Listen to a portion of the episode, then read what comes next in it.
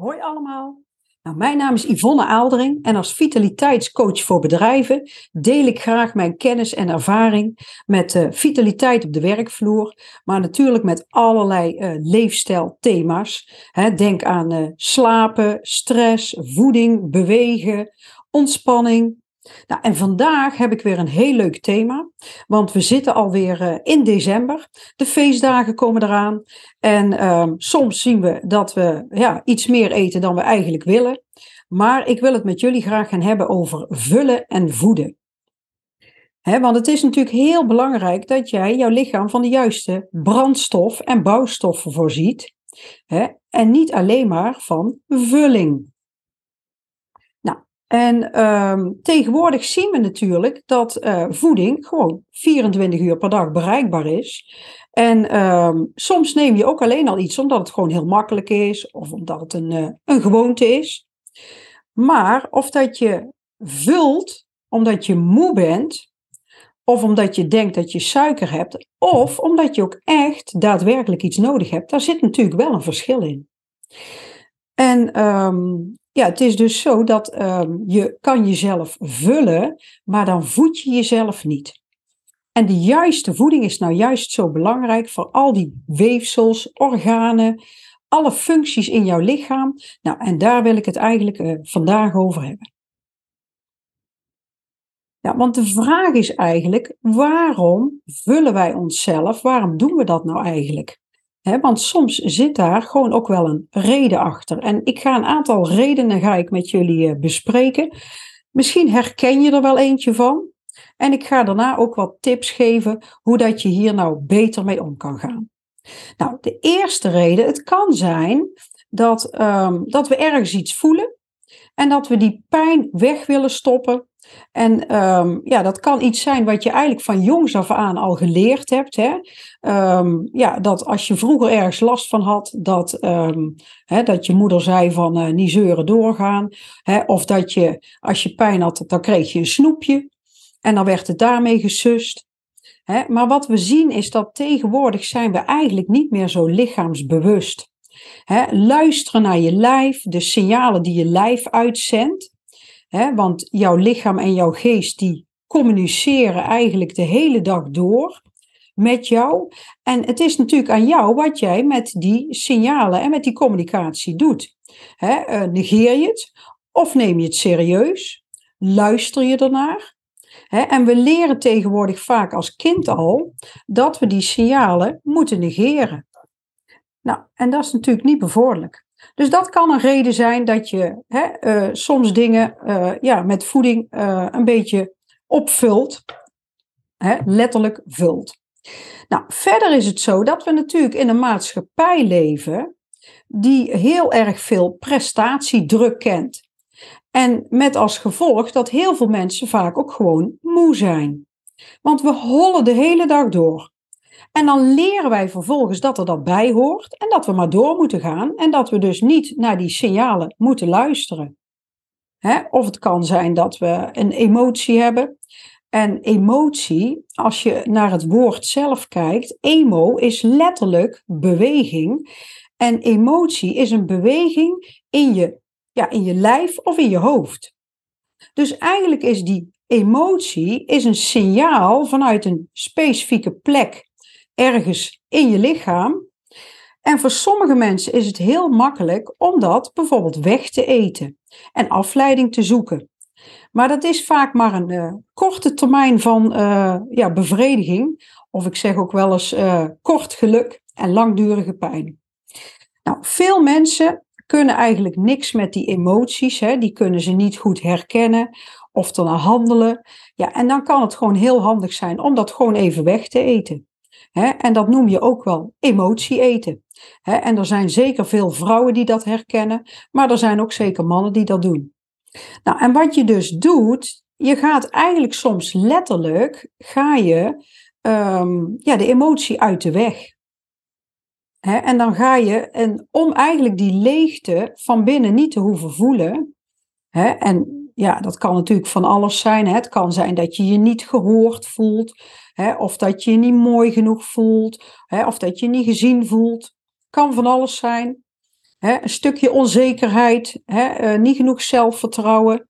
Ja, en dan kan het zijn dat jij jezelf onbewust, letterlijk, gaat overeten, zodat je groter wordt. En dan, ja, dan moet je eigenlijk wel gezien worden. Dan kunnen mensen niet meer om je heen. Ja, en dan kan het ook zijn dat je onbewust een behoefte gaat vervullen met eten, omdat die, die behoefte is er natuurlijk wel. Maar ja, je kan je afvragen, is dat de manier? Nee, ik denk het niet. Maar uh, het is wel een manier om dan toch uh, geluk te voelen met eten. Hè, of om aandacht te krijgen. En soms doe je dat niet eens bewust, maar gaat dat ook heel onbewust.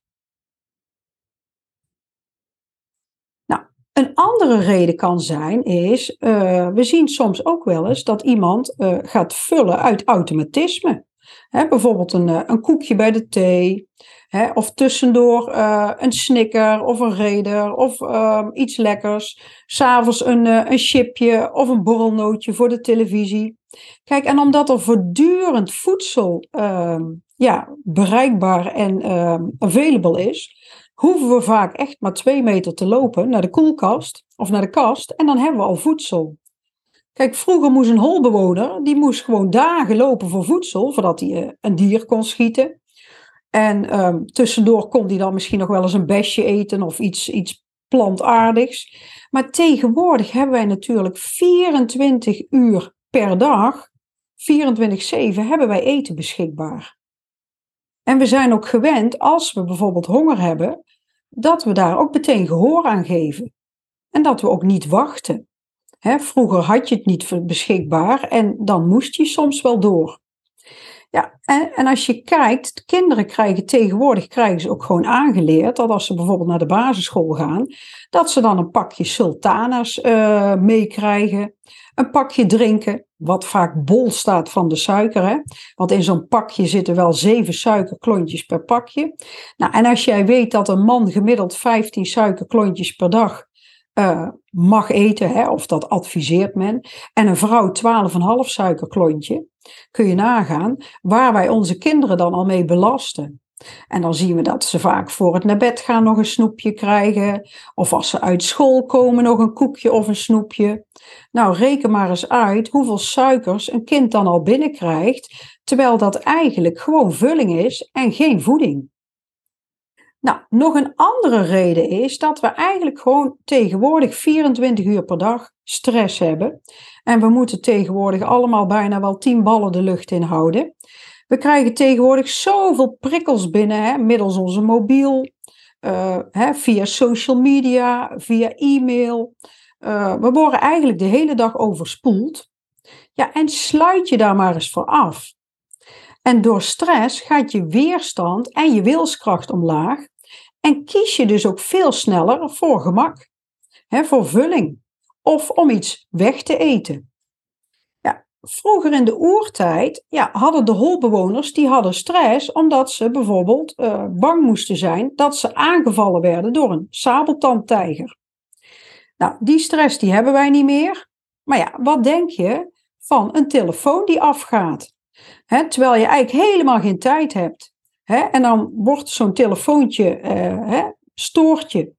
Of stel dat je telefoon leeg is. Nou, dat is, tegenwoordig is dat echt gewoon dikke vette stress. Want die telefoon, daar staat alles in. Daar zijn we de hele dag mee bezig. Of je krijgt de hele dag door, krijg je e-mail binnen. En je ziet door de bomen het bos niet. Je hebt er eigenlijk helemaal geen tijd voor. Dat kan best wel stress geven. En wat gebeurt er dan? Kijk, jouw lichaam maakt net zoveel stressreactie aan als vroeger de, uh, in de oertijd de sabeltandtijger. Dus jouw stresshormonen worden geactiveerd, allerlei functies worden beïnvloed. En zo zien we dus dat we eigenlijk ook tegenwoordig gewoon de hele dag aanstaan. En um, van s morgens vroeg tot s avonds laat. We zitten erg veel in ons hoofd.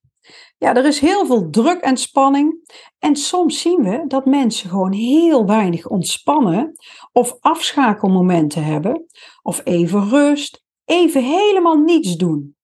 ook niet op je mobiel kijken of op een beeldscherm. Um, ja, dat is soms ver te zoeken. dat vinden we tegenwoordig best lastig. Maar als jij uh, denkt dat je rust hebt en je zit lekker met je mobiel, kijk, die mobiel is nog steeds een flipperkast voor je hersenen. Dus um, hè, dan krijg je nog steeds eigenlijk geen rust. Kijk, en vroeger zag je ook nog dat um, hè, de mensen in de oertijd, die moesten echt reserves opbouwen. Voor um, als het uh, schaarste was, of als, voor het, met het idee dat ze aangevallen werden, dat ze misschien niet lang meer te leven hadden. En dat noemden ze ook wel graving. Dan had je dus ook meer behoefte aan zoet en zout. En daardoor ging je ook meer eten. Maar ja, dat is in de huidige tijd eigenlijk helemaal niet meer van toepassing. Wij hoeven niet zoveel reserves um, aan te leggen, want echte ontberingen hebben we op dit moment niet meer.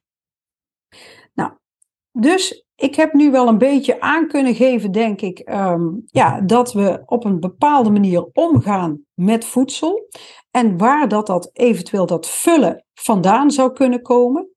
Ja, en hoe kan je daar nou beter mee omgaan? Als je van jezelf herkent, ik uh, kies soms echt voor gemak, hè, iets uh, makkelijks tussendoor, of ik, uh, hè, ik neem bewust geen eten mee naar mijn werk, maar dan ben ik natuurlijk wel overgeleverd aan wat er aangeboden wordt en wat ik kan kopen, of ja, wat er in de kantine beschikbaar is. Nou, stel dat ehm, op een moment je bloedsuikerspiegel wat lager is, of je energie is laag, ja, en je wil dan weer grijpen naar iets makkelijks, ik noem maar iets, een snicker. Vraag je dan eens af of dat je echt die snicker, hè, of dat dat um, ja, is wat op dat moment goed is voor jou en of dat dat jou gaat helpen. Hè, moet je dat op dat moment wel nemen? En bedenk dat eens goed voor jezelf voordat je het in je mond stopt. Dus ga eens wat bewuster je afvragen van um, als je bepaalde voeding eet, is dat wel zo helpend voor mij? Dient mij dat wel? Want je kan in plaats van die snicker, kan je natuurlijk ook een uh, appel nemen. Daar zit ook suikers in, maar niet de geraffineerde suikers. En dat is natuurlijk nog steeds veel gezonder. En je kan zelfs in plaats van te gaan eten, zou je een paar rekoefeningen kunnen doen. Hè, of een paar lunches of squats. Of misschien een paar uh, ademhalingsoefeningen. Want daarmee zet jij je lichaam in beweging en je zult zien dat je daar ook energie van krijgt. en dat je je anders gaat voelen. Nou, wat ook nog een tip is, je kan ook jezelf afleiden. als je wil gaan eten of snaaien of iets ongezonds pakken, ga een, uh, een gesprekje voeren. Ga eventueel even naar buiten. pak een kopje thee of koffie soms kom je erachter dat je eigenlijk helemaal niet eens die behoefte had, maar dat het meer een soort impuls was of een gewoonte daar, waar, die je eigenlijk altijd al uh, hebt.